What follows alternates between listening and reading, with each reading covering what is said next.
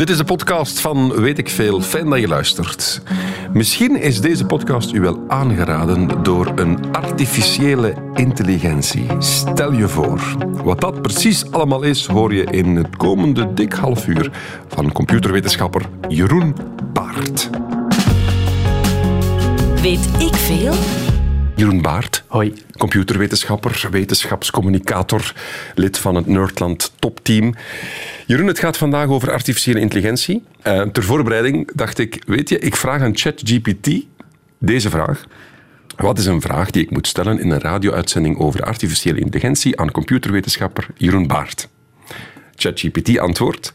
In een radio-uitzending over kunstmatige intelligentie aan computerwetenschapper Jeroen Baart zou een interessante vraag kunnen zijn. Hou je vast. Ja. Hoe kunnen we ervoor zorgen dat kunstmatige intelligentie op een ethisch verantwoorde en maatschappelijk aanvaardbare manier wordt ingezet? En welke rol speelt de computerwetenschap bij het waarborgen van deze ethische aspecten in AI-ontwikkelingen? Ja, dat is een heel gekunstelde vraag. Uh, het antwoord daarop is denk ik ons uh, focussen op de problemen die er nu al, nu al zijn, in plaats van ons blind te staren op theoretische apocalyptische scenario's uh, okay. die in de verte zijn. Mijn uh, antwoord aan ChatGPT ah, ja. was: Oké, bedankt, maar het mag iets simpeler zijn. Het mag iets simpeler. Natuurlijk, hier is een eenvoudigere vraag. Wat zijn enkele opwindende toepassingen van kunstmatige intelligentie waar we in ons dagelijks leven al mee te maken hebben en welke impact hebben ze gehad? Boah, is dat korter? Ik zou ChatGPT er op de vingers stikken. Nee, maar uh, hebben wij, zijn de mensen die nu aan het luisteren zijn naar dit programma, Komen zij al, zijn zij vandaag al in contact geweest met AI? Sowieso? Ja, sowieso als ze ermee gespeeld hebben. Um, als de spamfilter op hun mailbox is een, een, een typisch, uh, een typisch voorbeeld van... Uh, want spam heeft natuurlijk altijd een andere vorm. Met AI kan je redelijk zeker uh, er bepaalde dingen uitfilteren. Okay. En in de ontwikkeling van, van nieuwe medicijnen is het ook enorm aan het boomen. Dus ja, misschien nog niet zo nu meteen een medicijn dat mede door AI ontwikkeld is. Maar dat gaat er zeker wel aankomen. In de maar biomedische dus... sector, waar we vroeg of laat toch alle, allemaal mee te maken krijgen ja, ja, gaat dat zeker een impact hebben. Maar dus iemand die vandaag al zijn iPhone heeft gebruikt en zijn mail gecheckt heeft, is al in contact gekomen met Ongetwijfeld, ja. Wij gaan ook in contact komen met AI, namelijk op deze wijze. Hallo, dit is volledig gecomponeerd, gearrangeerd, gemasterd en gemixt door een computer. Deze muziek.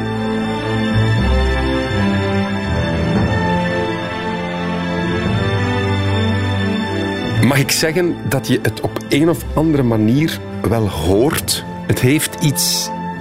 Het is goed, hè? Ja. Het is goed gedaan. Het heeft iets te braaf, te eenheidsworst. Ja, en te, te gelikt of zo. zo ja. Weinig emotie. Ik veronderstel, want ik ken het bedrijf in kwestie niet, um, klassieke muziek. En opnieuw, ik ben ook geen klassicus, zeker geen klassiek pianist. Um, maar dat heeft patronen, dat heeft waarschijnlijk ook generieke dingen waar het op terugvalt. En als je een, een, een systeem traint, in dit geval waarschijnlijk een neuraal netwerk, om die patronen te herkennen en om er iets nieuws uit te maken, dan is het logisch dat die voornamelijk gegeneraliseerde ideeën gaat gebruiken en dingen die je vaak uh, hoort. Ik, ik kan me mhm. niet voorstellen dat in dit stuk opeens um, alle instrumenten gaan wegvallen en enkel één instrument een paar seconden doorgaat. Iets meer avant-garde, klassiek, ja, ja, ja. zal ik maar zeggen. Ik spreek hier als iemand die nooit klassieke muziek luistert. Maar los daarvan uh, kan ik er wel lekker experterig over nee, doen. Nee, maar los, uh, want, want, eigenlijk kunnen we dit toepassen op, op heel veel AI-toepassingen. Hoe is dit bedrijf tot dit muziekstuk gekomen? Ze hebben, ze hebben die computer heel veel klassieke muziek gegeven? Ja. Of, of, of, hoe werkt het? Wat, wat, hoe werkt AI? De meeste, hoe werkt AI? Wel, de populaire vorm van AI is nu neurale netwerken. En de meeste mensen, als ze neurale netwerken horen, denken ze van oké, okay, neurologie, dat is iets met hersenen in een potje.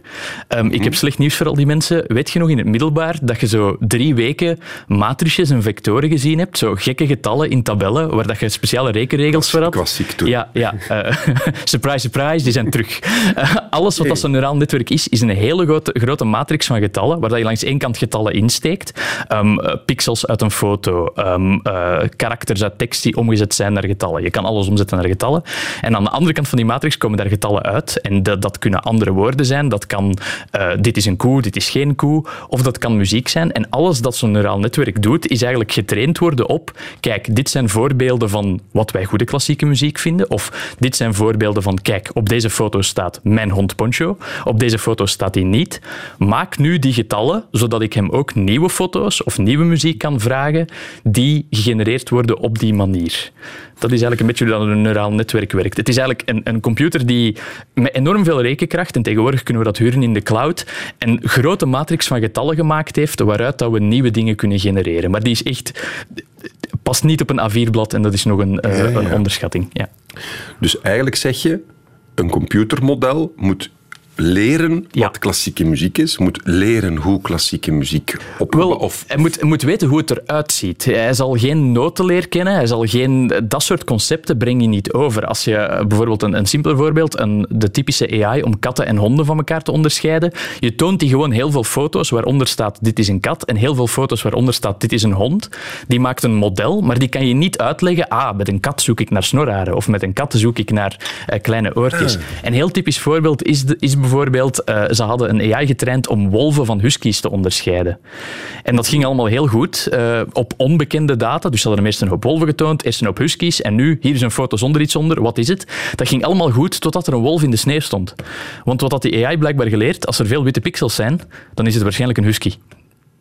Want die komen dus vaak in de sneeuw voor. Voilà. Dus zo'n model dat gegenereerd wordt, dat is een gigantische blok getallen, die kan jou niet uitleggen wat die doet. Die, die, die kan niet uitleggen of niet zeggen van, ah kijk, als ik naar een wolf zoek, dan kijk ik daarnaar of kijk ik daarnaar. Die leert iets, maar is inherent opaak. Kan dat niet aan jou uitleggen.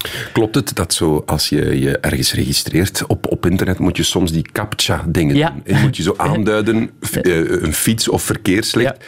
Klopt het dat dat eigenlijk AI-systemen zijn die je traint op dat Ja, moment? Absoluut. Nog een beter voorbeeld is ehm, als je twee woorden krijgt. En één woord is redelijk leesbaar en één woord is helemaal door de mangel gehaald en staat Ja, heel dus- scheef. ja. dat is een systeem van Google dat zegt het woord dat helemaal scheef staat, dat kennen ze. En het woord dat daarnaast staat, kunnen ze niet lezen. Dus dat woord dat ernaast staat, help jij te vertalen of help jij te lezen. En het woord dat zo vermangeld staat, gebruiken ze om te controleren of jij wel een echte persoon bent. Dus het is tegelijkertijd verificatie en tegelijkertijd help je ook. Alles dat we nu doen, als je chat met ChatGPT, als je DALI gebruikt, je bent dat systeem eigenlijk mee aan het trainen. Wacht, Eh, DALI, dat is, hè, want ChatGPT Ja. dat is letterlijk vraag, antwoord, vraag, vraag, antwoord, antwoord. DALI is ook een AI-systeem. Ja. Wat doe je daarmee? Eh, dat, zeg je, dat geef je een beschrijving van een afbeelding en die komt eruit. Typisch, ik wil een giraf op een fiets voor de Eiffeltoren en hij moet broccoli aan het eten zijn en ik wil dat in de stijl van Monet en dan komt dat eruit na een tiental seconden of zo. Dat, schrijf je D-A-L-L streepje. Dal-I. Ja, zoals Benjamin Dalle, maar, maar, maar eh, hipper. Benjamin Dali. Sorry, sorry Benjamin. Ja, Benjamin Dali, ja. Nee, maar zijn- er gaat heel veel geneemdropt worden. Ja. Ik denk dan altijd aan ons moeder. Absoluut, ja, ja, Een ja. vrouw die, die, die mailt en Facebook heeft ondertussen, maar die dit allemaal wel heel abstract vindt. Absoluut. Dus ja. het, het is misschien wel, als er, iets, als er iets valt, dat we dat gewoon even uitleggen. En die Dali is eigenlijk wel heel tof om eens met te spelen. Hè. Dat is hetgeen dat bij mij de grootste wow-factor had. Gewoon het feit dat er een beeld uitkomt dat tot tien seconden geleden niet bestond, dat ik Ja. bedacht heb, dat je variaties kan genereren, dat vind ik, dat spreekt heel hard tot de verbeelding. Want laat ons even teruggaan naar het allerbegin. Jeroen Ja. Baert. Wat is de definitie van artificiële intelligentie? Hoe, hoe omschrijf je dat? Want dat is een heel grote paraplu, heb ik de indruk. Ja. Maar laat ons even naar de essentie teruggaan. Wel, ik ga mijn beste Rick doen daar. Eh, wat is dat artificiële intelligentie? Artificieel, eh, daar kunnen we ons iets bij voorstellen. Eh, dat is niet menselijk. Wij mensen lopen rond, we hebben emoties, je prikt ons, er komt bloed uit. Tegenover een computer is zand dat we hebben doen denken. In essentie. dat is silicon. Ja, zand, silicon, eh, computer. Heel kort door de bocht. En dan intelligentie. De meeste mensen denken van, ah, dat is eenvoudig. Je legt iets een IQ-test voor, er komt een getalletje uit, we plaatsen al die dingen op een lijn en dan heb je een lijn van intelligentie. Maar ik zeg dan altijd, je hebt de Noord-Amerikaanse eekhoorn en die kan iets fantastisch. Die kan namelijk onthouden alle 2000 eikels dat hij begraven heeft voor de winter. Die kan exact weten waar dat die liggen als de winter voorbij is. Is dat beest slimmer dan mij? Ik had niet gedacht dat we in een uitzending over artificiële intelligentie, over de Noord-Amerikaanse ja. eekhoorn zouden praten. Ik gebruik dat voorbeeld eigenlijk een beetje om te, te illustreren dat intelligentie eigenlijk heel moeilijk te definiëren valt. Dat is niet eendimensionaal. Je kan intelligentie volgens IQ-test hebben, maar je hebt ook emotionele intelligentie. Je hebt de manier waarop wij ons als mensen aanpassen aan veranderende omstandigheden. We zijn eigenlijk enorm ja, ehm, weerbaar tegen een hele hoop dingen. Hoe meet je intelligentie? Dus de definitie van artificiële intelligentie die ik gebruik is een computer die iets doet dat door een mens kan gezien worden alsof er intelligentie voor nodig is. En ik weet dat dat een enorme omweg is, maar dat legt eigenlijk een beetje de beoordeling bij de mens. Uh, computers mhm. kunnen nu al een hele hoop dingen beter dan ik ooit zal kunnen. Hè. Als ik Sneller rekenen. Tuurlijk, als ik in een woordenboek een woord moet zoeken, dan ben ik die pagina's heen en weer aan het slaan en naar voren naar achter. Een computer heeft dat op enkele milliseconden gevonden. Dus spreken over intelligentie, um, volgens mij moet je dat een beetje verbinden met, met creativiteit en met wat jij als mens intelligent vindt. Want het is eigenlijk een definitie die... Uh, ja, nu ben ik extreem rikturf door te zeggen van er is geen definitie. Ik, snap maar, het wel, uh, want eigenlijk heeft het niks met intelligentie te maken. Want nee. het is gewoon rekenen. Absoluut. Het is gebruiken van een hele hoop dingen waar we, ons mensenbrein niet zo goed in is. Ja. Ja, het is gewoon heel veel berekeningen doen. en... Het is een schaalvergroting. Um, als, als jij alle klassieke muziek ooit bestudeert, wat dat je niet kan doen in je leven, want jouw leven is, sorry om het te zeggen, eindig, uh, en een computer kan dat op 10 minuten, dan heb je gewoon een schaalvergroting waar je als mens nooit tegen gaat kunnen winnen. Mm -hmm, ja. Oké. Okay. We gaan een paar voorbeelden um, gebruiken, uh, muzikaal dan ook. Bijvoorbeeld, uh, niet zo heel lang geleden was er, een, was er gedoe. Oh nee. Want op het internet. Het doe op het internet, dit is de eerste keer ooit. Ja, er was, er was iets. Want ineens bleek er een nieuw nummer te zijn van Drake, een zeer populaire hip-hop artiest, featuring The Weeknd. Een ook, van de, ook de meest, populaire hip-hop artiest. Ik denk zelfs de meest gestreamde ja. persoon met Blinding Lights, als ik me niet vergis. Absoluut, maar het is tegenwoordig niet meer The Weeknd, maar uh, uh, Desfile, Aubrey Desfile of zoiets. Dus ja. Heeft hij een prins Hever, gedaan? Heverveld, ja, ja. Oké, okay. Die twee grootheden hadden opeens, zogezegd, een nieuwe single uit. Ach. Maar wat bleek? Het was een AI-gegenereerd stukje muziek op basis van hun muziek. Ah ja, er zijn natuurlijk heel veel voorbeelden van Drake en The Weeknd muziek. Die zullen tezamen ook al wel twintig albums uit hebben of zo. Het kot was te klein. Hierom. I came in with my ex like Selena, the flex, eh. Bumping Justin Bieber, the fever and left, eh. She know what she need, all I need, all she blessed, eh. Drake featuring The Weeknd? Nee, dat is het niet. Dit is, Dit is een computer die, als ik Jeroen Baart mag geloven, heel veel muziek van Drake ja. is heeft beluisterd. Ja, nee, beluisterd. Nee, ja, nee is heel, veel, heel veel muziek van Drake is daarin gevoederd, zal ik maar zeggen. Ja. Ook muziek van The Weeknd is daarin ja. gevoederd. En die computer heeft dan ge wiskundig? Ja, wiskundig eigenlijk een hele hoop parameters. Die heeft eigenlijk patroonherkenning gedaan op die muziek en heeft daar een bepaalde dingen, niet expliciet, maar uitgehaald. Ja, uh, Drake in The Weeknd, die maken wel eens een beetje trapmuziek. In het begin uh, spreken ze ook over Metro Boomin. Die maakt veel muziek voor die kerels. Dus het is ja, een typische Drake in The Weeknd beat. Trage R&B. Een afwisseling tussen strofes die daar gerapt zijn door Drake. En laten we zeggen, de, de hoge emotionele um, uh, touch van The Weeknd. Dus er zijn wel bepaalde patronen die die artiesten ja, uh, wat maakt een nummer van de Beatles? Een nummer van de Beatles, dat is... Uh, kan ja, je op een of andere manier wiskundig wel... Ja, dat kan je benaderen. Je, okay. kan, je kan aan dat model niet vragen waarom doe je dit, maar het is patroonherkenning. Dus daar komt wel iets uit dat, spijtig genoeg moet ik ook van dit nummer zeggen, het klinkt een beetje als eenheidsworst. Het is geen spannend nummer, of het is geen nummer dat, dat ergens naartoe gaat, maar de stemmen kloppen wel. We hebben uh, met Nerdland een, een, uh, een test gedaan. Uh, tien minuten Lieve Scheire, die praat in het, in het, het Engels, dat in zo'n een voice tool gegooid van Eleven Labs. En er komt eigenlijk wel iets scary goed uit. De cadans is nog niet helemaal juist. En natuurlijk, ja, Lieve heeft een, een speciale enthousiaste manier van praten. Dat komt er mm -hmm. nog niet uit. Maar in dit geval, voor zingen, waar dat je toch in een bepaald register blijft, um, ja, werkt het eigenlijk al crazy goed. En, en opent het de vraag van, ja, oké, okay, een artiest... Uh, ik heb onlangs Maurice Engelen van Praga Khan uh, een presentatie horen geven. Die is heel hard bezig met virtuele artiesten en zo. Je zou eigenlijk een virtuele artiest kunnen maken die voor altijd leeft. Um, Drake zou bijvoorbeeld kunnen zeggen: Ik ga mijn stem volledig ver-AI'ifyen.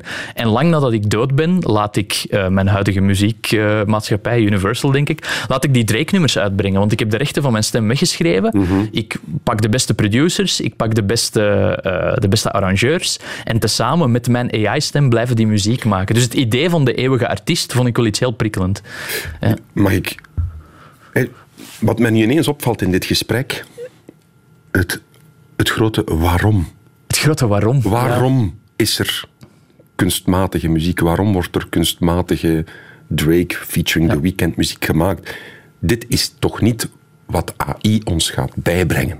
Dit Nee, zijn toch... Dit, is zijn een toch vorm. Ja, ja, dit is spielerij. Natuurlijk, maar dit is gemakkelijk te verstaande spielerij. Net zoals ChatGPT een hele leuke demo is om mee te chatten. Dit is meteen vatbaar. En, en in C is dit ook gewoon een gevolg van die tools die beschikbaar komen. Hè. Dit was twintig jaar geleden misschien ook mogelijk, maar dan had je een computer eh, heel veel rekenkracht nodig. Mhm. Terwijl nu met die schaalvergroting, nu met ja, goedkope online compute, kan je dit redelijk snel doen.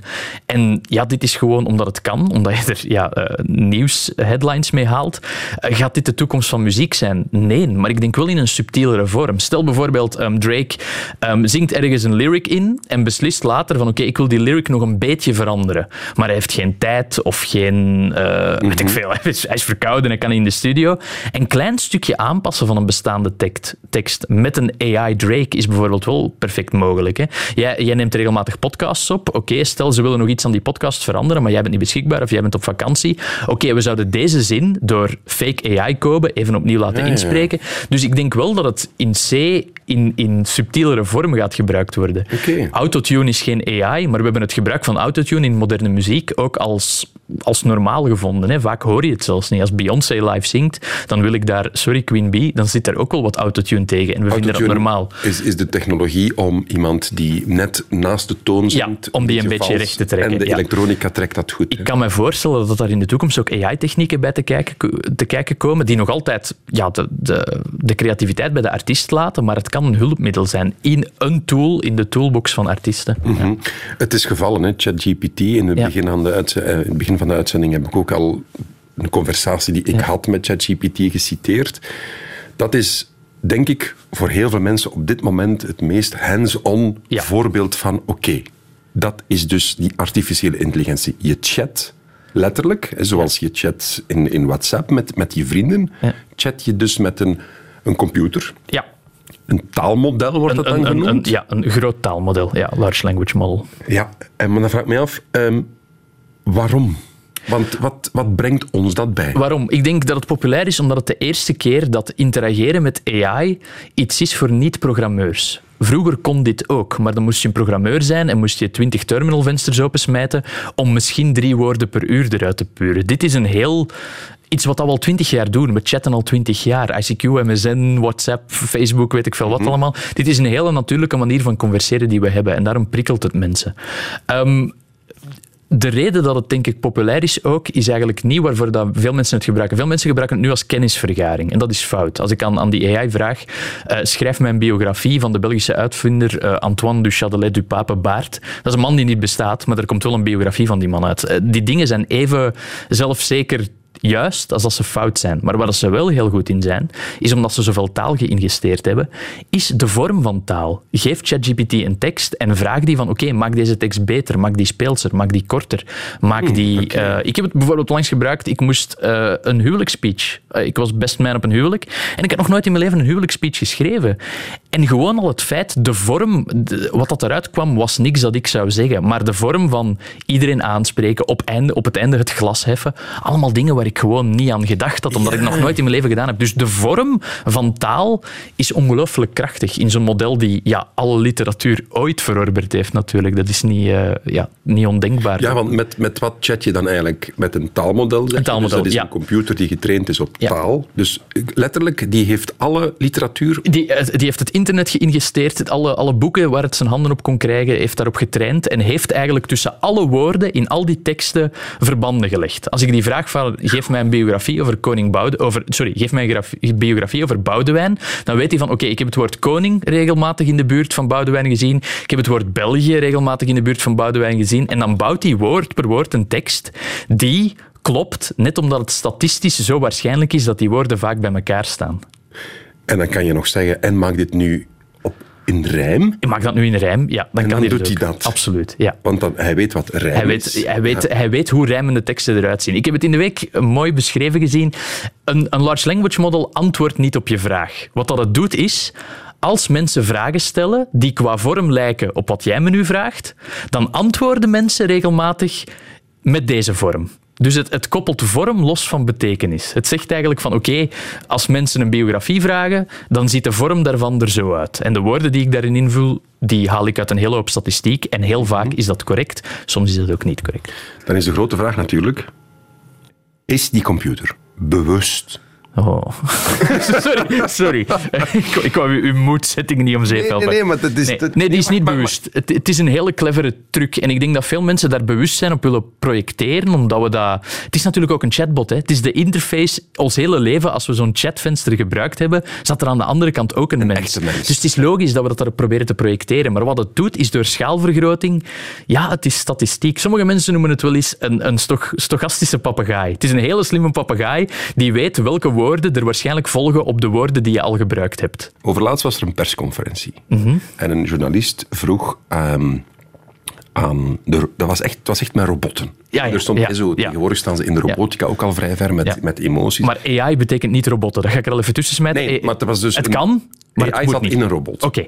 Dus de robot antwoordt en ehm, de vraag kwam, ja, moeten, we, moeten we toch niet wat gaan reguleren en eh, wetgeven? En dit is wat dan AI via de robot antwoordt. We should be cautious about the future development of AI.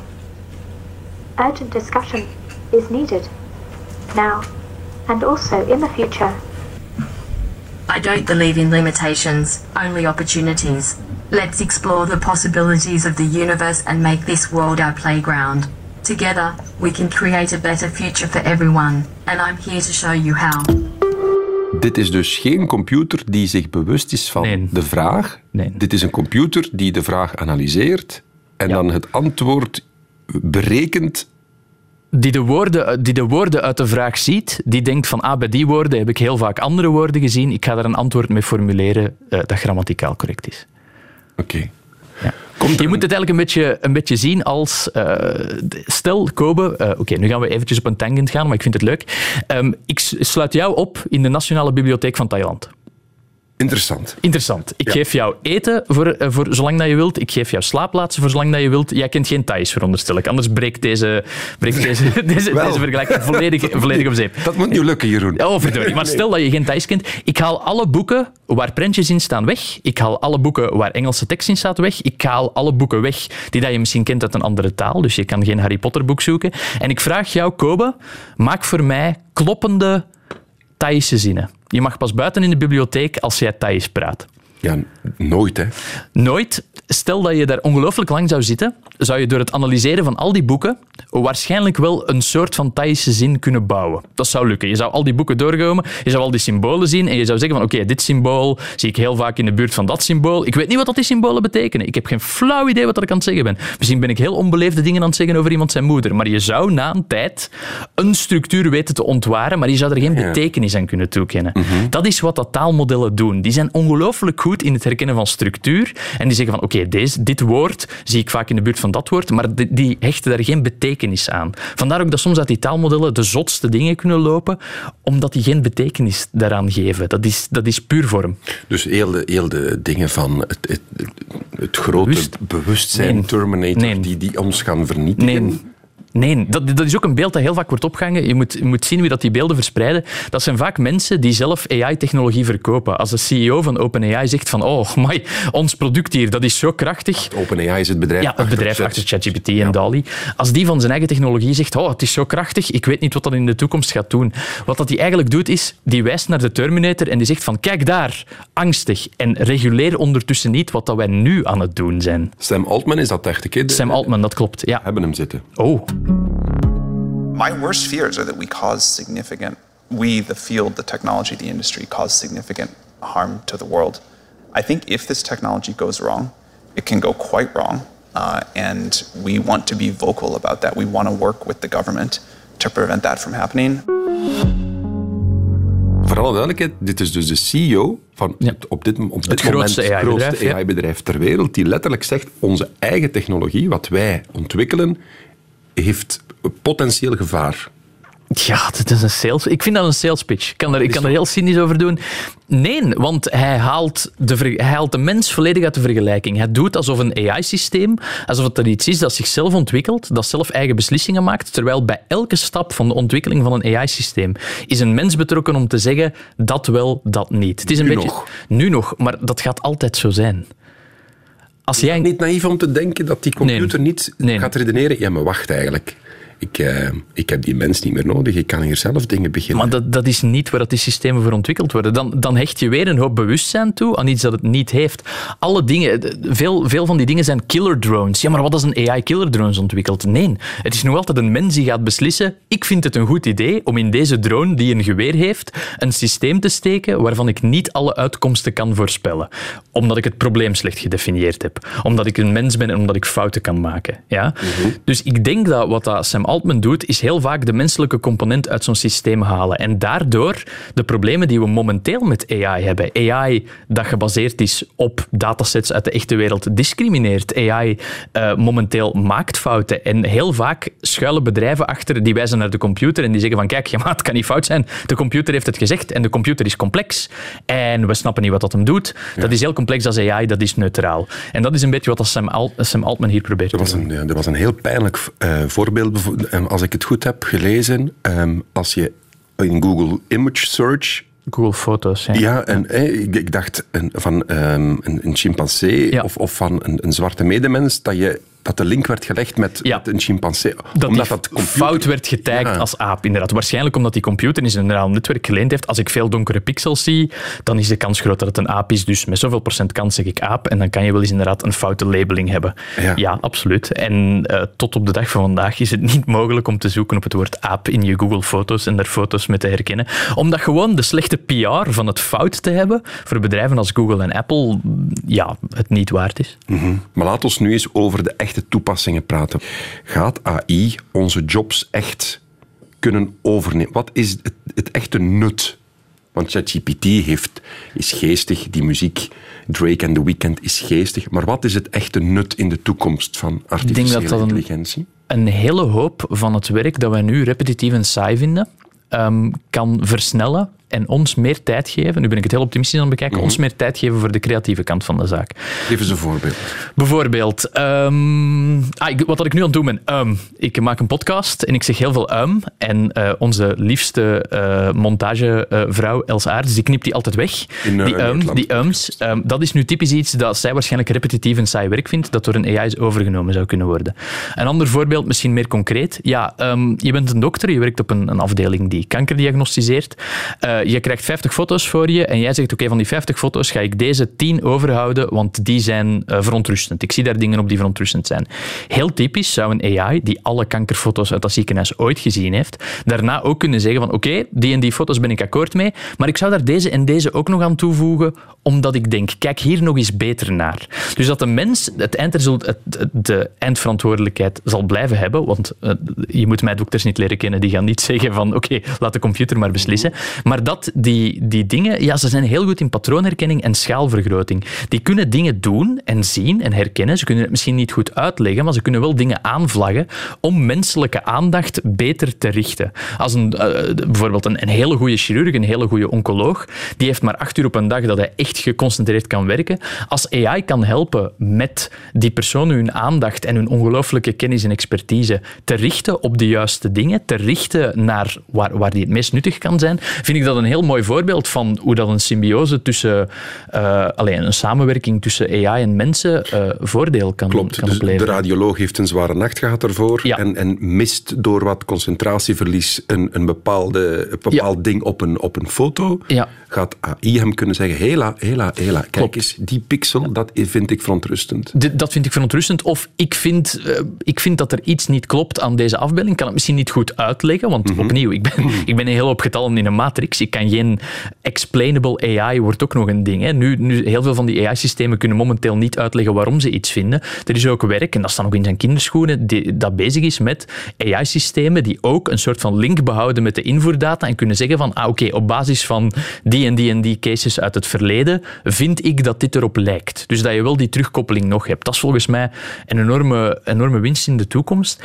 En ja, ik denk heel veel, want eh, ja, het, is, het is natuurlijk in een huis waar het vol met creatievelingen zit, vind ik het moeilijk om, om het te hebben over de creatieve kant van AI. Maar ik denk dat als in de toekomst een werkgever gaat kunnen kiezen tussen iemand die dat AI volledig afzweert en iemand die AI gebruikt om zijn werk sneller vooruit te helpen. En dan heb ik het niet alleen over, over, over snelheidswinst, hè, want dat klinkt heel kapitalistisch. Oké, als je tien tekeningen per uur kan maken, dan ben je beter rendement omhoog. Maar eerder als een soort van ja, snelle brainstormer, snelle, uh, een snelle manier om tot een bepaald resultaat te komen. Misschien ook dingen te ontdekken die dat, waar je anders niet aan zou denken. Dan denk ik wel dat het een toekomst heeft. Maar ik zie het dus wel degelijk als, als hand in hand. Volledig vervangen van bepaalde takken of van bepaalde beroepen zou ik niet doen, omdat je net niet alles dat een mens een mens maakt kan vatten in taal ook. Dat is ook een mhm. hele filosofische stroming. Die taalmodellen die studeren nu op tekst en die image modellen die, die studeren op pixels. Maar een artiest en iemand die creatief is en iemand die bij de radio werkt, is zoveel meer dan enkel wat dat hij zegt of enkel wat dat hij tekent of enkel wat dat hij doet. Een mensenleven is een, een som van ervaringen die je niet kan vatten in een taal. Natuurlijk, dat is een, eh, het zou heel dom zijn om alle beroepen te reduceren tot enkel hun output. Want dan maak je eigenlijk van alle beroepen eigenlijk ook een soort van model. Dat en dat, dat, vind ik verkeerd. Dat klopt. Maar als je nu naar de geschiedenis kijkt, hè, je hebt dan hè, de, de, de, de industriële revolutie gehad. Ja. Want AI is een revolutie. We moeten denk dat, ah, ja, dat het wel in dat rijtje past. De industriële revolutie, de digitale revolutie, jaren 70, 80. Nu die artificiële intelligentie-revolutie. En als je kijkt naar het verleden, elke revolutie heeft altijd meer jobs opgeleverd. Ja. Heeft ook jobs laten verdwijnen. Tuurlijk, ja. De koolmijnen, ja, absoluut. Ja. Maar het heeft altijd gezorgd voor meer werk. Ja. Zou dit nu de eerste revolutie kunnen zijn waardoor wij als mensheid minder jobs gaan hebben? Platgetreden pad, maar ik kan zeggen andere jobs. Er gaat tijd vrijkomen om andere dingen te doen. Uh, bijvoorbeeld, um, goh, ik vind het een moeilijk voorbeeld om op de radio te geven, maar het uitschrijven van verkeersinformatie. Nu moet iemand dat nog doen, ja. Maar verkeersinformatie volgt vaak eenzelfde patroon, namelijk positie, uh, wat het probleem is en wat dat de verwachte vertraging is. Dat zou bijvoorbeeld kunnen geassisteerd worden door een AI. En dan kan de persoon die dat doet andere dingen doen. Ja, maar is, is er nog wel iets anders te doen dan? Wel, er gaat andere dingen vinden om te doen. Er gaan andere nieuwsbulletins zijn waar dat zo'n AI niet bij kan helpen. Ik denk dat het... Ja, het, het, is niet dat we in de toekomst allemaal een soort van AI-babysitter gaan worden. Hè. Um, zo mag je het niet bekijken. De, er zijn doemscenario's dat het wel zo is. Hè? Dat, dat, dat zelfs lesgeven aan kinderen wordt overgenomen door AI. Dat dan ik, ook, ik vergelijk het een beetje met de komst van Photoshop. Um, vroeger, als jij, eh, stel je wilt, uh, je hebt een foto van iemand getrokken en je wilt de achtergrond van die foto verwijderen. Voor Photoshop was dat jij, een pritstick en een, een schaar en een naamrecht bij het kopieapparaat. Ja. Met de aankomst van Photoshop is dat, dit is de achtergrond, knip die eens weg op een minuut. Zijn grafische designers uh, verdwenen? Nee, die zijn zich met andere dingen gaan bezighouden. Het, het verwijderen van een achtergrond van een foto wordt niet meer gezien als iets dat een namiddag werk kost. Maar die zijn zich kunnen focussen op andere dingen. Dus ik denk, en opnieuw, ik kan mis zijn, hè, maar ik denk dat we ja, dingen gaan ontdekken, dat jobinhouden gaan verschuiven en dat het eerder zo gaat evolueren. Om het meteen te zien als, en ik weet het, we leven in een, een, een koude late-stage capitalism wereld. En misschien gaan bedrijven dit aanwenden, en dat gebeurt nu al. Hè. De, de writers strike in de Verenigde Staten van oké, ja, we kunnen ook gewoon niemand nog betalen en alles door AI laten schrijven. Maar dan ga je een eenheidsworst krijgen. Ik, ja, eh, er zijn, staking van de scenaristen ja, de staking van de scenaristen nu. hebben ja. zich erbij geschaafd. Absoluut. Uh, heel veel van, je moet ook denken, die AI wordt getraind op een hele hoop creatief werk dat door die artiesten gegenereerd is. En nu zijn er mensen die zeggen van nee, we laten AI alles schrijven en het werk dat AI genereert, gebruiken we dan weer om andere AI te trainen, dan ga je een soort van grauwe eenheidsworst krijgen. Dan ga je 10.000 keer dezelfde aflevering van FC de kampioenen krijgen. Met dezelfde moppen, Met dezelfde moppen, dezelfde stijl, dezelfde... Er, er gaat geen En opnieuw, het is, mo- het is moeilijk om dat over te brengen, maar er gaat geen... Wat dat de mens kan, is op een bepaald moment zoiets raar erbij halen dat het nieuw en verfrissend wordt. En dat is iets dat je niet gaat hebben met die AI-systemen. Mhm. Nochtans, er zijn... Ik, ik refereer naar de podcast eh, van Lex Friedman eh, en Harari, de auteur van het boek Sapiens. Ja. Die twee kunnen een eind weglullen. Die twee kunnen een eind weglullen, dat Het klopt. is wel een aanrader, staat op Spotify. Ja, Harari, toch niet de minste, Nee. Houdt zich vast aan de takken van de bomen. Hè? Een filosoof, een groot denker van deze tijd, zegt echt van dit is potentieel echt het einde van de structuur van deze planeet. Dan vind, ik, dan vind ik dat Harari, nogthans de auteur van het boek Sapiens, de mens onderschat. Oké, ja. Ik denk dat hij ook meegaat in het... ehm, in de hysterie? in de hysterie en ook een beetje van het feit van we hebben nu die, die grote taalmodellen en we doen, we hebben een hamer en alles is een nagel. We gaan alles oplossen met die grote taalmodellen. En dat is gewoon verkeerd. Als ik een biografie van Albert Einstein nodig heb, is naar Wikipedia surfen en die biografie daar lezen, ecologisch, efficiëntie, nog altijd veel, veel, veel, veel, veel beter dan dat aan een taalmodel vragen, dat eerst moet getraind worden op alle kennis van de mensheid, die dan via een of ander statistisch model daar een biografie van Einstein uitpuurt die misschien juist is. met fouten Die vol met fouten zit. Het is, eh, dat is een beetje een probleem met zoekmachines ook. hè. Ik las vorige week een goede vergelijking. Wat dan een zoekmachine doet, is... ehm, hier is de naald uit de hooiberg. Wat dat een groot taalmodel doet, is... Ik heb de hele hooiberg in een blender gegooid. Ergens zit er een naald in. Denk hier. Ah ja. Is dat beter? Dus ik denk heel vaak dat we nu... Iedereen wil ook ChatGPT in zijn producten. Hè. Ik wil niet weten hoeveel bedrijven waar nu tijdens een of andere meeting op tafel geschreven wordt ja, we maken verdorie brood, maar zorg dat er ergens ChatGPT bij betrokken is sinds volgend jaar. Want het is nieuw, dit is hip en taalmodellen zijn de toekomst. Nee, taalmodellen zijn een tool, maar zijn geen automatische fit voor alle mogelijke problemen. Nee, maar ik chat nu al met mijn bank, chat ik al met een ChatGPT-achtig ding. Een ChatGPT-achtig ding. Als, ja. ik in, als ik via mijn computer een, een offerte vraag voor een hypotheek, is dat, is dat geen mens meer. Dat is een computermodel dat mij dan die, die, die, Ja. die offerte voor die hypotheek En daar, daar ligt ook het gevaar in dat een model om jou een hypotheek te geven is getraind op een hele hoop data waar misschien vooroordelen in zitten. Er zijn, er zijn voorbeelden van computers die dat sollicitanten scannen, die getraind zijn op de mensen die nu bij het bedrijf al werken en die systematisch eh, vrouwelijke kandidaten of, of eh, eh, kandidaten uit, een, uit een, een minderheidsachtergrond weren, omdat ja, alle data die die ooit gezien hebben is van, ah ja, oké, blanke mannen van 30 zijn hele goede werknemers, dus ik ga daarop selecteren. En bedrijven schermen daarmee. Dat noemen ze bias laundering. Ze zeggen eigenlijk van, oké, we pakken ons systeem dat kapot is, we bakken dat in een groot, complex computermodel en dan kunnen we wijzen naar de computer. Wij, wij kunnen niet racistisch of discriminerend zijn. Nee, nee. De, de- de computer heeft beslist. Complex, dat is groot, dat is AI. We gaan dat toch niet snappen. We wijzen daarnaar. Het is oké. Maar er komt wel een dag dat een AI-systeem misschien beslist of ik een hypotheek krijg of niet. Absoluut, ja. En dan wordt het denk ik toch wel, of als, als een AI-systeem de beurs overneemt Ja, en weet van, hé, hey, maar eigenlijk kan ik veel geld verdienen met enorme schommelingen. Ja. Als we, daar, als we dat geven aan een computer, dan gaat hij zeggen, ah, ik had het een keer laten crashen.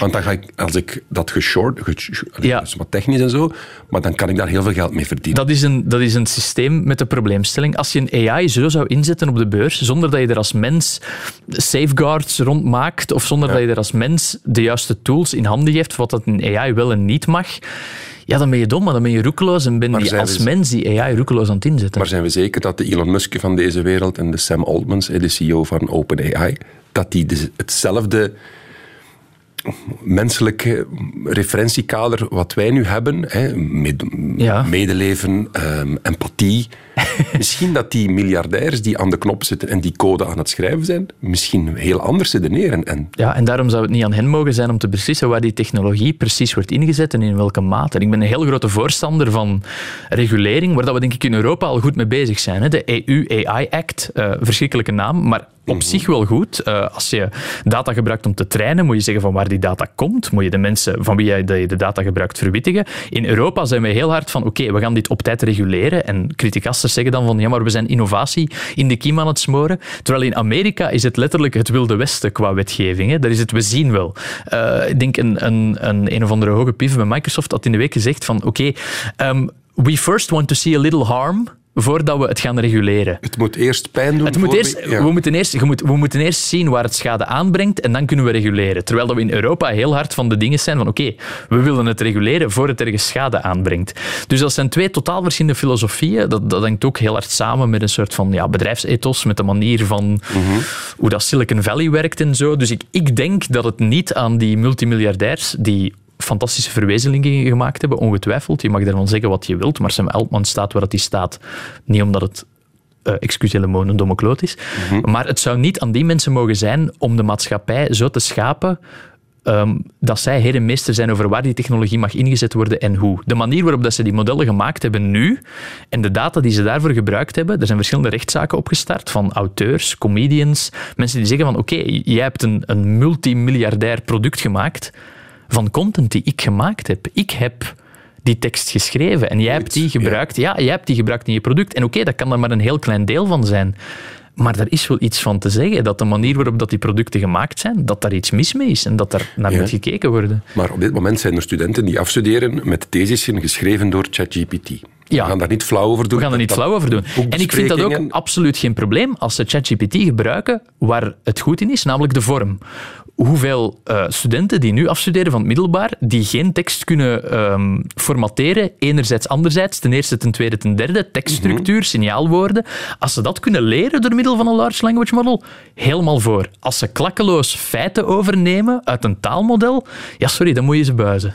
Ja, maar hoe- dat, dat kan je dus niet weten. Ja, Als er fouten in staan, dan kan je het wel weten. Ja, maar dus wat, wat de Europese Unie wil, is als je een, een, een, een afbeelding genereert Ja. met AI of een tekst genereert met AI, dat er een soort watermerk komt? Of, Dat is, een van de, dat is een van de voorstellen. Ze willen vooral dat als je als, dat als bedrijf aanbiedt, dat je duidelijk en transparant bent over welke data gebruikt wordt om die AI te trainen. En dat je ook als bedrijf zegt, als jij interageert met ons, stel eh, je verstuurt e-mails met onze software, dan gaan we de inhoud van die e-mails gebruiken om ons AI-model beter te maken. Dat we dat Daar moet je duidelijk en transparant over zijn. Jeroen dat Baart, goed. we hebben nog twee minuten. we gaan sorry. geen plaat meer draaien. Nee, het, laat ons positief eindigen. Ja. Gaat AI, artificiële intelligentie, ons het geneesmiddel tegen kanker geven? Het gaat ons heel hard helpen om in de juiste richting te zoeken. Ik wil niet zeggen dat dat op een bepaald moment uit een computer rolt, maar de manier waarop dat medicijnen en, en, en mogelijkheden om een mogelijk medicijn te ontwikkelen, dat is met proteïne vouwen. Eh, ik wil daar niet dieper op ingaan, maar er zijn heel, heel, heel, heel, heel, veel manieren om moleculen en proteïnen te vouwen. Als een AI daar ons in de juiste richting kan wijzen en de zoekruimte kan versmallen, gaat dat ongelooflijke dingen doen in de Nu, biomedische een sector. medicijn ontwikkelen duurt die Duurt jaren, Testen, ja. duizenden mensen injecteren met dat middel. Wat Ja. doet het, wat doet het?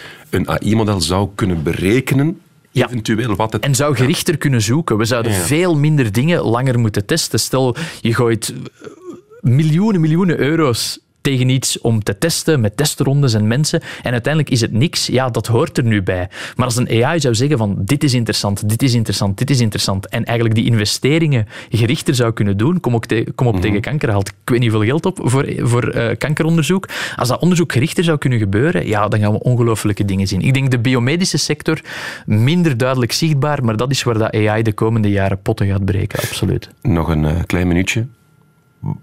Wat, wat gaat AI voor ons, de Radio 1-luisteraar, voor mij, morgen, overmorgen, volgende week brengen? Ik hoop dat waar dat het naartoe gaat. Wel, nu hebben we interactieve tekst en nu hebben we afbeeldingen die dat we op 10 seconden kunnen genereren. Die tijd gaat gewoon korter worden. Ehm, en we gaan naar video en audio gaan. Momenteel audio genereren is nog een paar minuten wachten. Video genereren staat nog op een verder punt. Maar ik denk dat we over twee jaar, zoals we nu met ChatGPT spelen, eh, in een chatbox zitten te typen ik wil een vliegend hondje met een rode hoed op en dat er een, een eh, video van een Ja. vliegend hondje met een rode hoed op uitrolt. Dat blijft allemaal de spielerij. Het gaat ons full Het, Het gaat, het gaat eh, slimme assistenten, genre de Google Assistant die er nu zijn en zo, die gaan alleen maar beter worden. Ik hoop dat het ehm, repetitieve, saaie taken uit je leven kan eh, weghalen en Voilà. verbeteren. Jeroen Baart, zeer bedankt. Graag gedaan. Dit was de podcast van Weet ik Veel over artificiële intelligentie. Maar er is nog veel meer. Het algoritme, de intelligentie kan je nog veel meer aanraden. Je vindt het allemaal terug op VRT Max. Weet ik veel?